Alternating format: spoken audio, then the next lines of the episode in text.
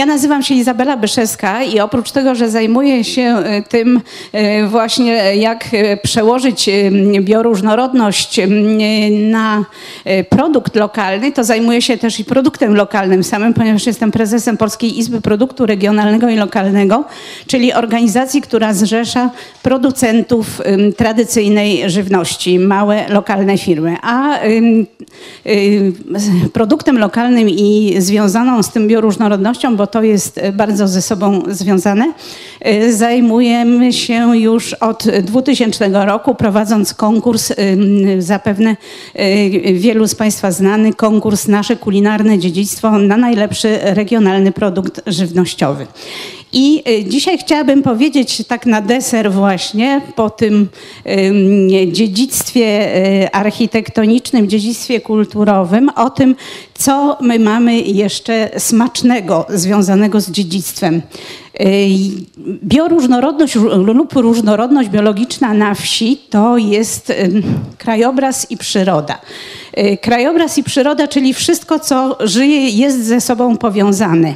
I chodzi o to, żebyśmy właśnie tutaj już mówili moi przedmówcy, żebyśmy traktowali dziedzictwo, żebyśmy traktowali naturę kompleksowo, y, czyli po prostu nie wycinkowo, nie właśnie określonymi tematami, tylko żebyśmy się odnosili do y, tego dziedzictwa kulturowego, w tym i kulinarnego, i przyrodniczego jako całości, jako rzeczy rzeczy nierozerwalnie ze sobą związanych.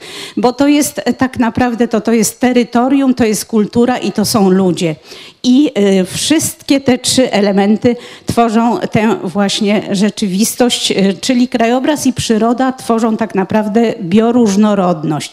W tej bioróżnorodności ja tutaj tak wycinkowo wy, wyjęłam takie trzy elementy na początek, zanim przejdę do y, smacznych rzeczy, y, czyli y, drzewa, chwasty i zioła. Drzewa, chwasty i zioła to jest taka część, którą my często traktujemy po macoszemu. Tu Y, też y, była mowa o tych wspaniałych alejach przydrożnych, była mowa o starych sadach.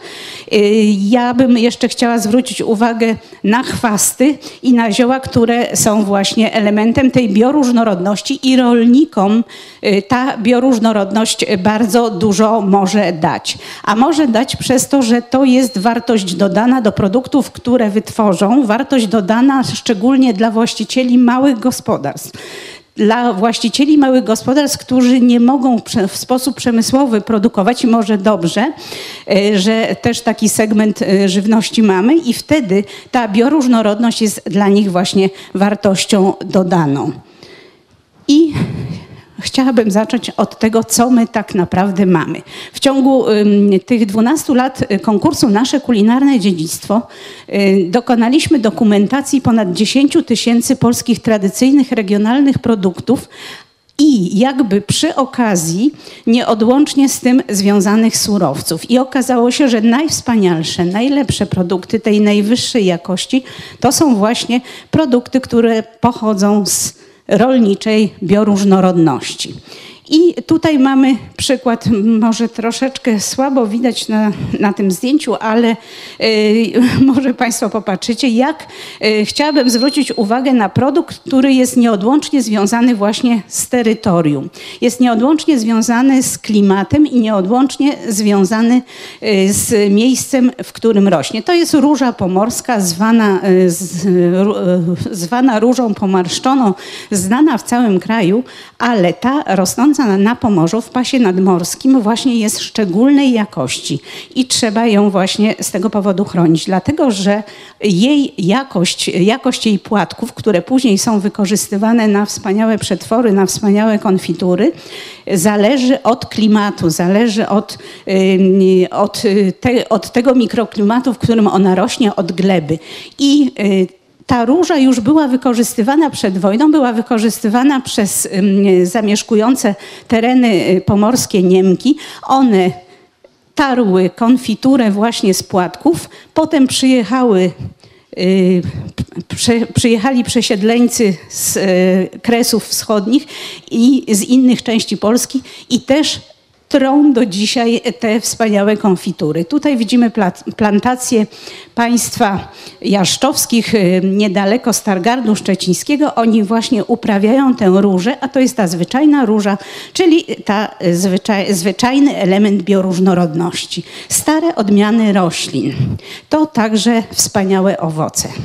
Z lewej strony widzimy wiśnie nadwiślankę. To jest owoc niezwykły, też szczególny i to jest stara odmiana polskiej wiśni, tak zwana wiśnia odroślowa. Ona się, zresztą Państwo y, pewnie znacie tego typu wiśnie.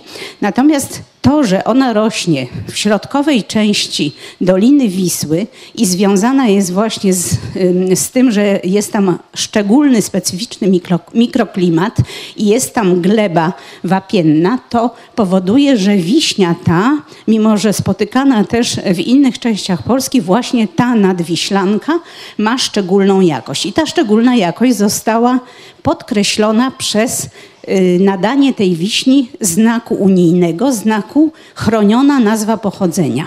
Jest to znak y, Unii Europejskiej, który powoduje, że nazwa wiśnia nadwiślanka jest chroniona.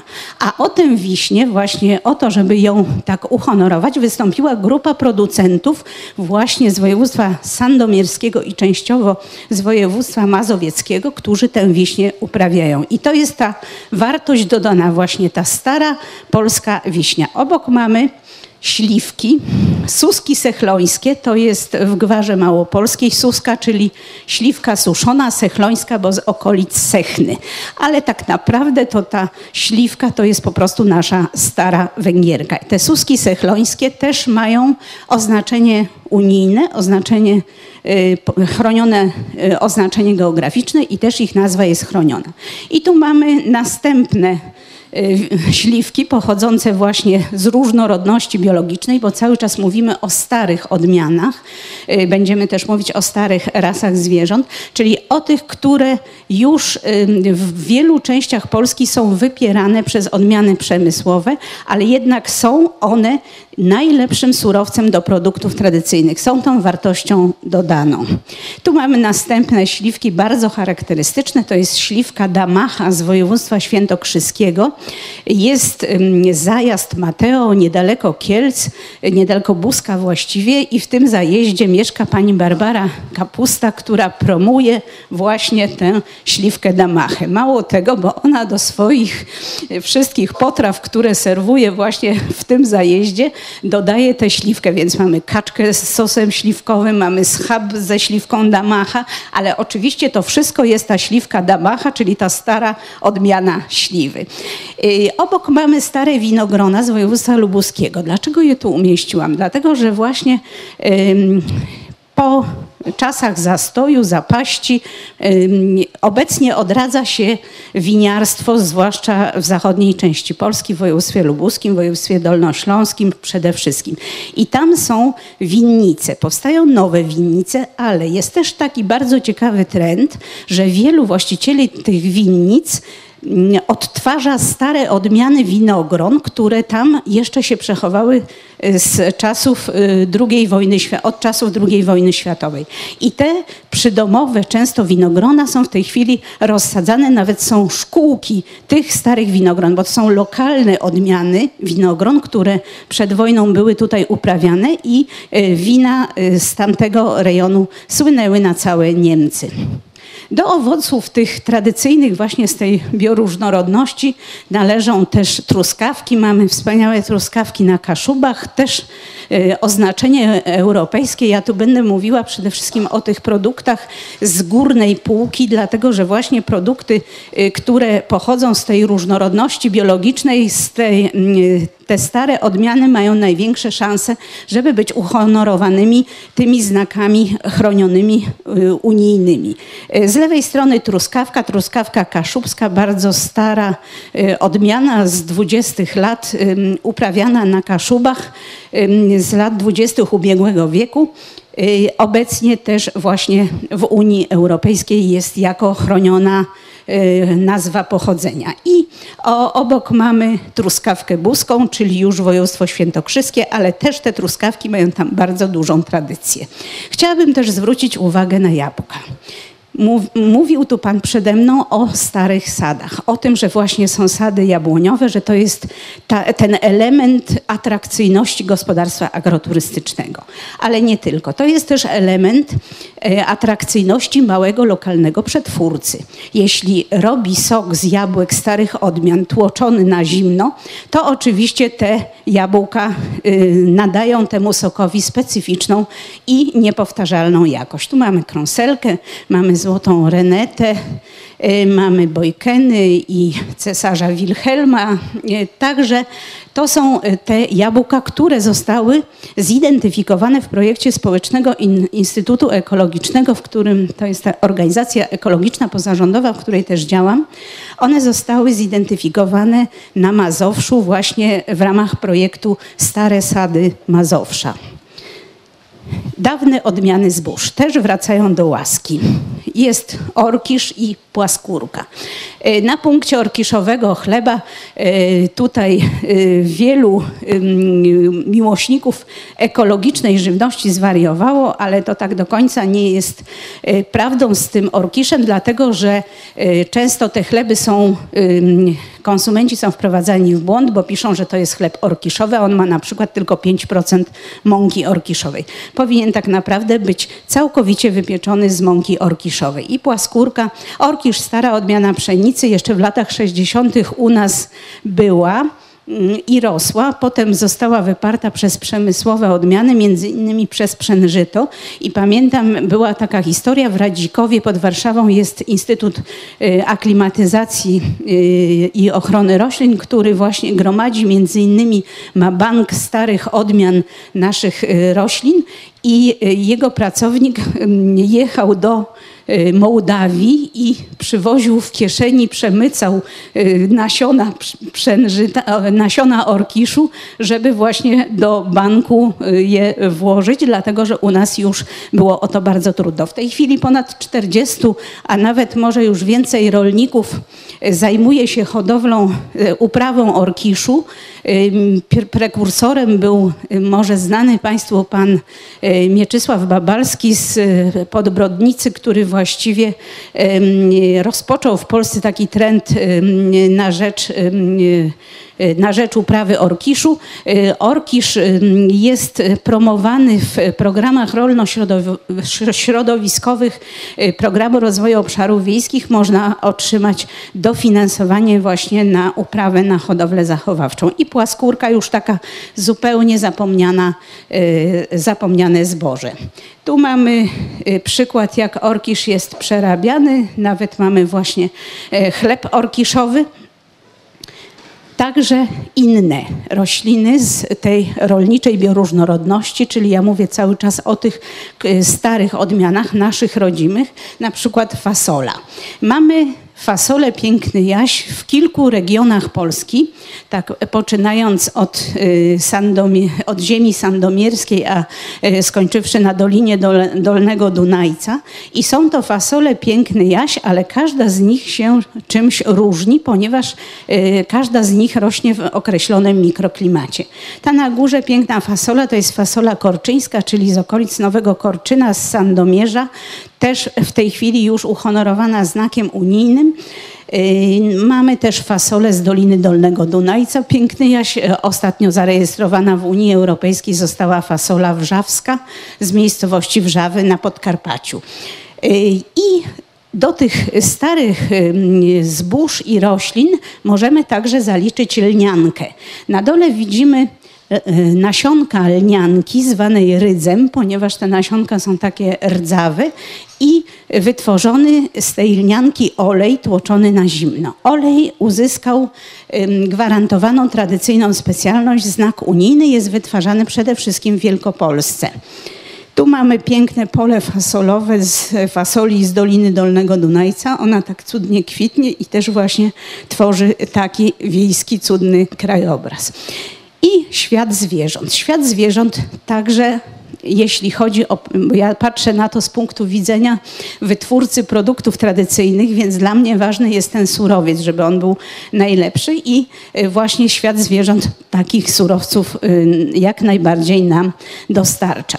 Tu mamy klasyczny przykład oscypka, y, czyli produktu niesamowicie związanego z regionem, właściwie nieodłącznie związanego z regionem i tworzącego element tego krajobrazu Podhala od średniowiecza, czyli jakby taki y, klasyczny przykład czegoś, co przetrwało w niezmienionej prawie formie.